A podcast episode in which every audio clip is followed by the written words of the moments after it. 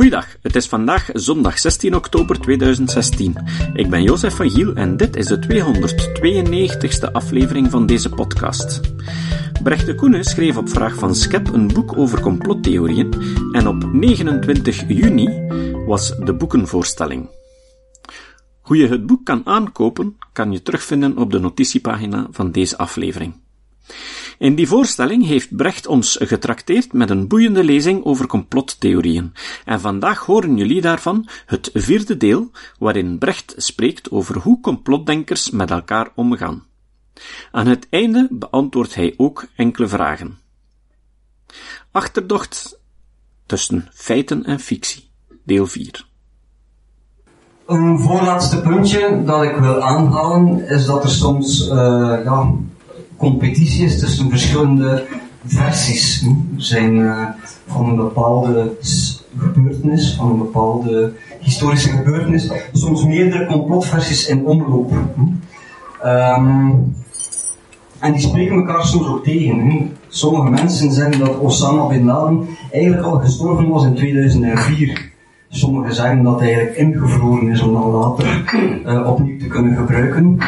Um, anderen zeggen dat hij aan kanker gestorven is in 2006, dat weet ik allemaal. En dan heb je natuurlijk de officiële versie die zegt dat hij uh, bij Operation Neptune Spare, 2 mei 2011, um, door de Amerikanen is uitgeschakeld. En nog andere mensen zeggen dat hij eigenlijk nu nog leeft. Je snapt, uit de aard der logica kunnen ze niet alle drie tegelijkertijd waar zijn. Hm? dus, dus dat is ook interessant dat, dat soms, niet altijd, maar soms complotdenkers elkaar vinden in het feit dat ze een afwijkende versie aanhangen van de officiële versie. En in plaats van tegen elkaar te discussiëren, want ja, als de ene denkt dat, hij nog leeft, eh, dat hij nog leeft en de andere denkt dat hij al dood is, dan kan er ook maar één van de twee gelijk hebben. Maar niet dan gaan ze vaak een alliantie vormen en richten ze zich tegen degene die de officiële versie eh, aanhangt. Terwijl dat ze eigenlijk ook tegen elkaar zouden uh, kunnen beginnen, uiteraard. Dus, um, dus sommigen kunnen niet, ze kunnen niet allemaal tegelijkertijd waar zijn. Dat is ook een, interessante uh, vaststelling die je kan maken. Een laatste puntje dan zijn die tips tijdens discussies. Dan gaat het niet zozeer over inhoud en vragen stellen, maar gewoon de manier waarop je je opstelt. Um, humor en sarcasme, let daarvan op. Hè. Uh, er zijn complotdenkers die denken dat er inderdaad, dat Bush eigenlijk een, een reptilian is, dat hij eigenlijk een hagedis is en dat hij kan shapeshiften, dat hij kan van, van vorm veranderen. Dat klinkt heel belachelijk. Als iemand begint over 9-11, en hij haalt iets aan dat, dat, dat niet klopt. Hij begint onmiddellijk te spotten. En zeggen van ja, een Bush is ook een reptilian zeker. Dan, dan, ja, dan verlies je mensen. Dus spot kan, of, humor kan werken, maar het kan ook een, uh, een leuke discussie compleet torpederen. Dus, dus je moet daar nu opletten. Wie heb je voor je? Uh, wie kan wat uh, humor verdragen en wie niet.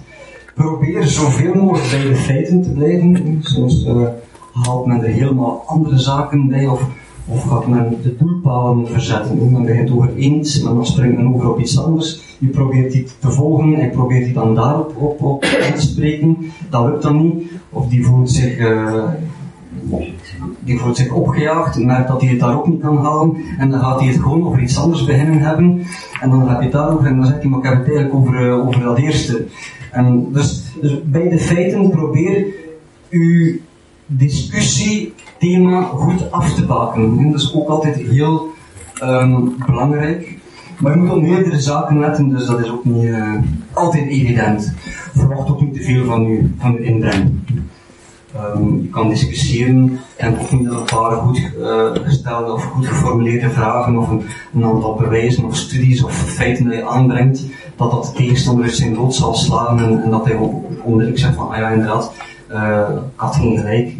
Dus verwacht ook niet te veel de impact van, van, van rationele, um, rationele feiten die, die je aandraagt. Het kan ook handig zijn om een complotdenker eerst te vragen naar waar hij eigenlijk zelf van overtuigd is. Omdat, ik zei het net al, er zijn vaak verschillende versies in omloop. En als je dan één begint te, ja, aan te vallen, dan zal hij ook zeggen, ja, maar dat is ook belachelijk, maar ik ben daar niet van overtuigd. En dan, dan, dan, uh, dan heb je eigenlijk ook al een stuk geloofwaardigheid uh, ja, verloren. Dus vraag aan de complotdenker, wat is specifiek dan eigenlijk rond die situatie dat je eigenlijk niet aanvaardt. In plaats van gewoon van eerste keer in de aanval te schieten, dat kan ook zeer veel helpen en uh, verloren tijd vermijden. Probeer ook niet te veel in te gaan op discussies rond onderwerpen uh, waar je ook niet te veel van af weet, want de kans dat je onderspitting moet dagen is zeer groot. Uh, ik heb al gemerkt um, in gesprekken en discussies met complotdenkers dat die vaak zeer goed op de hoogte zijn van heel veel zaken. Die hebben een goede kennis van een aantal dingen. Um, dus als je onvoorbereid mm, op het discussieterrein verschijnt, kan het zijn dat hij uh, dus met enig gemak onder de tafel praat. Um, en dan geef je hem ongewild natuurlijk ook de indruk dat hij weet waarover dat hij uh, spreekt. Dus spreek je goed voor. Maar natuurlijk, iedere persoon uh, die daarin geïnteresseerd is en die discussies wil aangaan met complotdenkers, moeten ooit eens op een bepaald moment aan de discussie beginnen als zij daar zin in heeft, want dat kan zeer, zeer leerrijk zijn. En uh, in het eindplaats zijn dat je een keer uh, ja, een later beslaat dat je, dat je merkt van ja, dat, dat was mijn eerste keer en ik, ik wist blijkbaar nog niet genoeg. Maar daar leer je dan weer opnieuw heel veel uit voor volgende discussies. Ik uh, zal het hierbij laten. Um, dus ik zou zeggen, misschien is er nog tijd voor een, een, paar vragen of bedenkingen uit het publiek. Wel, iedereen zal gemerkt hebben dat in kennis van een complotje meer groter is dan de inschatting van de tijd uh, voor de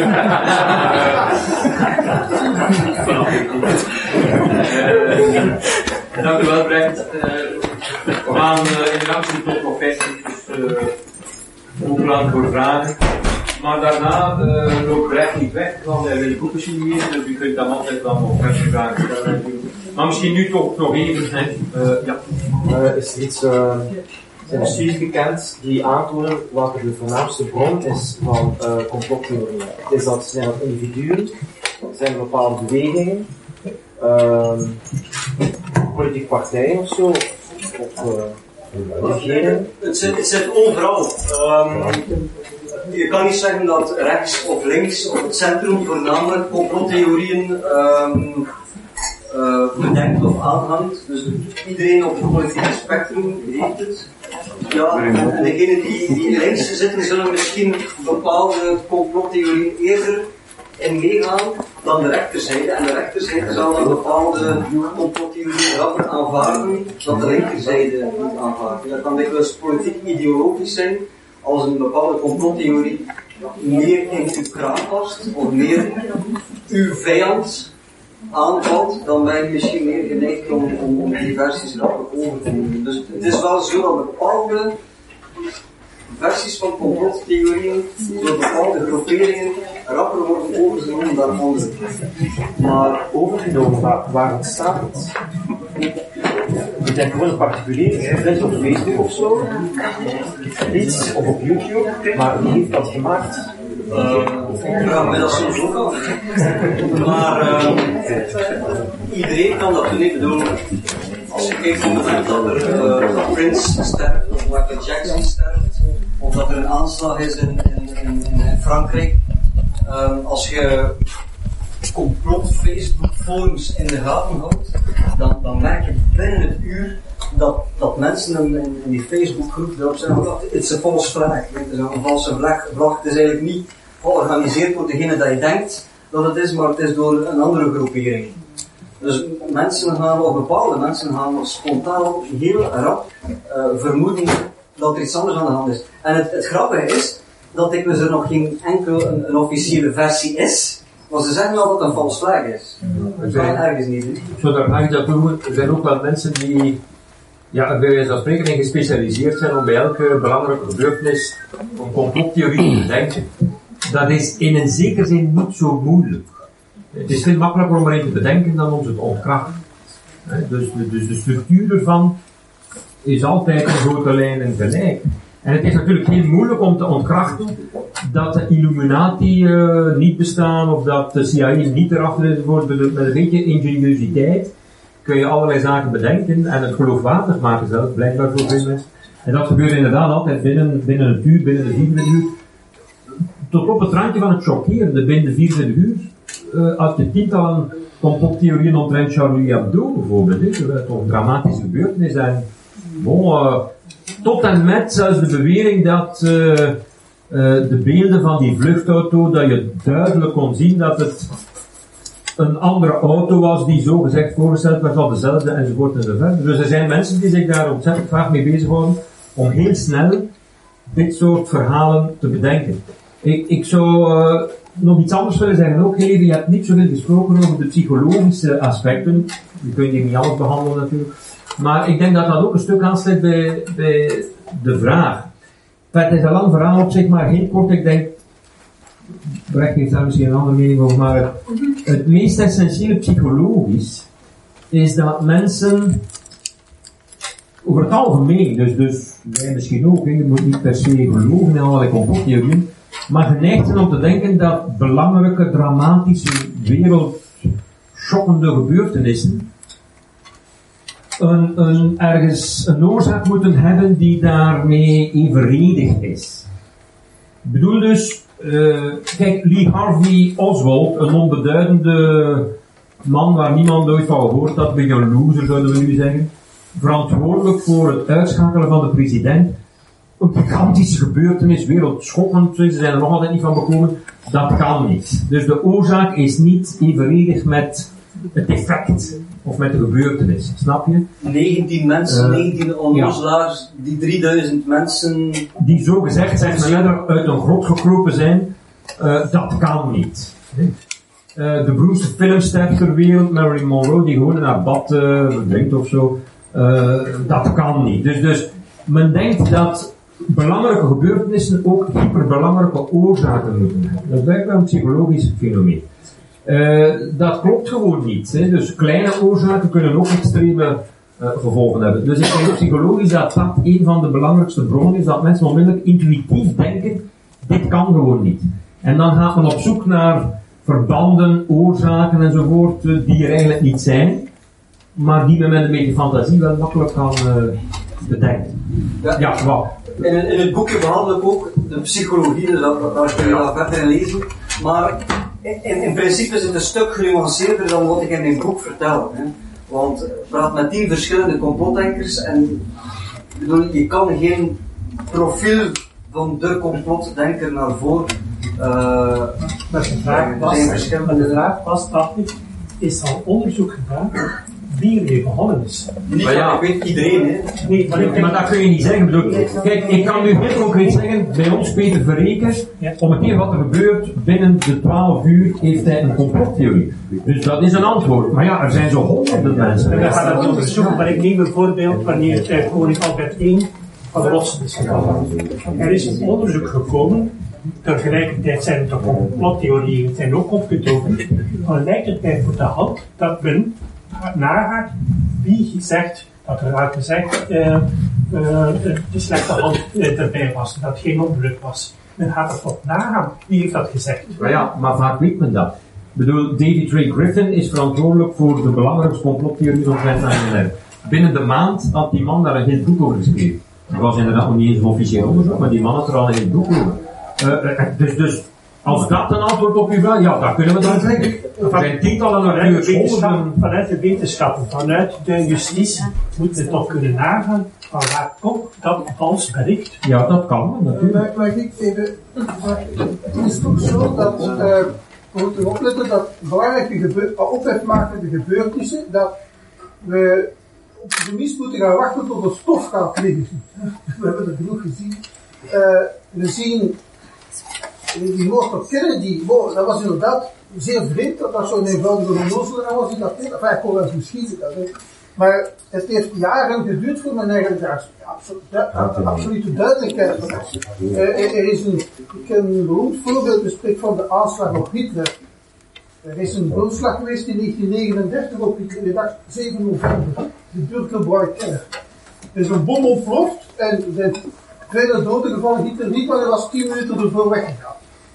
Onmiddellijk, uh, onmiddellijk heeft gezegd, ja, e- enerzijds, uh, dit is een, door de nazi's zelf, door hem aan een, als een wonderbaar een complotdoel stappen, terwijl de nazi's zelf natuurlijk gaan zoeken zijn naar geheime diensten, samenzweren. Het was één timmerman die door eigen die bom heeft gemaakt, die daar een jaar aan gewerkt heeft. Eén timmerman, een linkse kerel.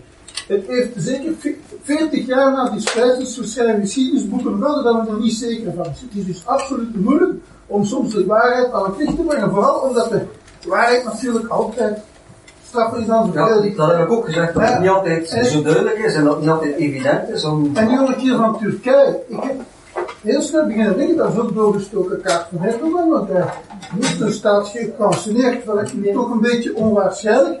Maar we weten het toch nog altijd niet. Hè? Dus dat ik zeg, ik, weet het soms ook niet en dat is zo'n voorbeeld. Maar dit illustreert net, illustreert net de ongeloofwaardigheid van complottheorieën, want ze zijn onmiddellijk kant en klaar bij wijze Ik stel voor misschien nog één vraag en dat we dan uh, iets drinken en verder uh, uh, praten uh, op een meer informele manier. Ja, ik vooraan misschien. Ja.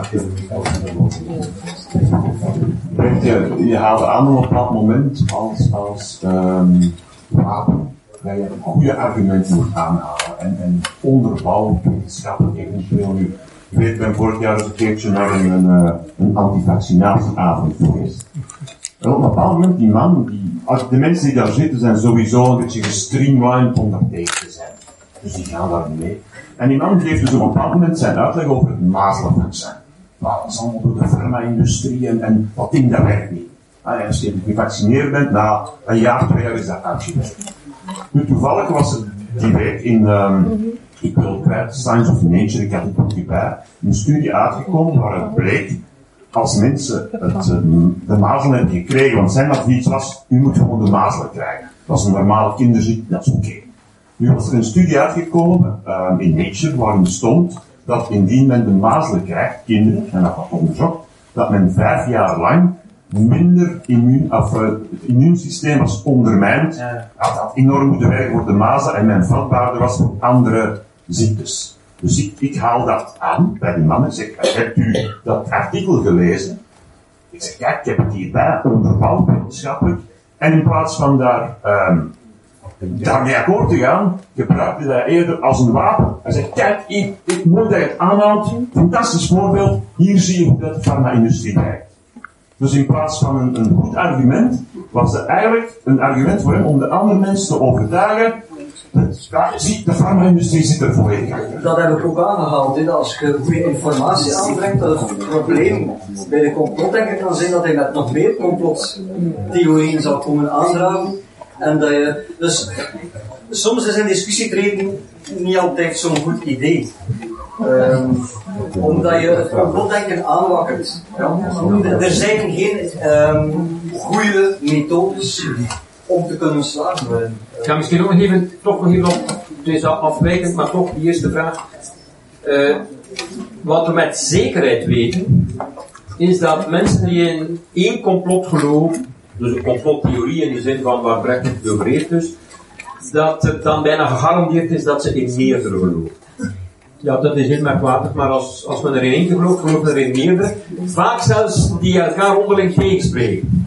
En dat maakt blijkbaar niet veel uit. Goed, ik ga nog één vraag laten stellen en dan gaan we mee stoppen. En we, we kunnen gerust nog doorgaan. Eén korte vraag. Uh, doemdenkers, uh, complotdenkers, uh, kan dat niet beschouwen als een vorm van een derapage van kritisch denken? In zekere zin wel, hè? want Descartes zei twijfel aan alles. En uh, Immanuel Kant, de verlichtingsdenker, zei van bediening van hun eigen verstand. En dat is wat complotdenkers vaak doen. Ze twijfelen aan alles. En ze gaan zelf op onderzoek uit. En ze geloven dus geen autoriteiten meer. Gezagsfiguren zijn per definitie verdacht. Dus je zou in zekere zin kunnen zeggen dat net die verlichtingsidealen voor complotdenken hebben gezorgd. Dus een soort van doorgeslagen kritisch denken voor complotdenken. Maar er zit toch vaak ook een, soort dogmatisme achter hoor. Eh, want de, de conclusie ligt vast op voorhand. Er moet iets vreemd aan de hand zijn. Het is een grote gebeurtenis, dus toeval, toeval is niet mogelijk. Dus er moet daar een, een doelbewuste reden achter zitten en zo. Dus, dus het is al een beetje een uitgemaakte zaak. En ze zullen natuurlijk twijfelen aan, aan iedereen, behalve natuurlijk aan die complotdenkers, David, David Ray Griffin, Chandler, andere gezagsfiguren binnen de uh, complotwereld. Dus, dus je ziet... Die mensen vinden zichzelf meer kritisch dan alle anderen. Dat is natuurlijk typisch voor pseudowetenschap in het algemeen. Complotdenken is een vorm van pseudo-geschiedenis onder meer, pseudo-politicologie enzovoort. Creationisten bijvoorbeeld zijn zodanig kritisch dat ze de hele wetenschap verwerpen. Dat, ja, dat is ultra kritisch zijn, maar ergens klopt daar ook iets niet. Dus uh, uh, wat kritisch denken precies is, is dus nog op zich een interessante vraag. Dat is misschien voor een volgende keer. Willen we Brecht bedanken met een applaus?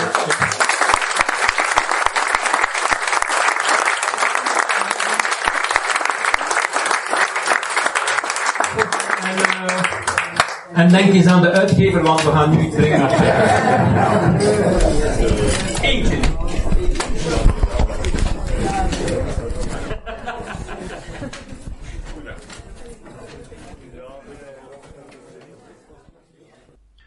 Citaat. Vandaag horen jullie weer een citaat van Ben Goldacre. Ben Goldacre zei: Iedereen die handelt in cijfers, ze gebruikt, ermee denkt en ermee overtuigt, laat staan dat hij mensen ermee opsluit, heeft de verantwoordelijkheid ze te begrijpen. Tot de volgende keer. Deze podcast is het resultaat van het werk van veel mensen. Rick de Laat verbetert bijna al mijn teksten en maakt de meeste vertalingen. Emiel Dingemans verzorgt onze website en Facebookpagina.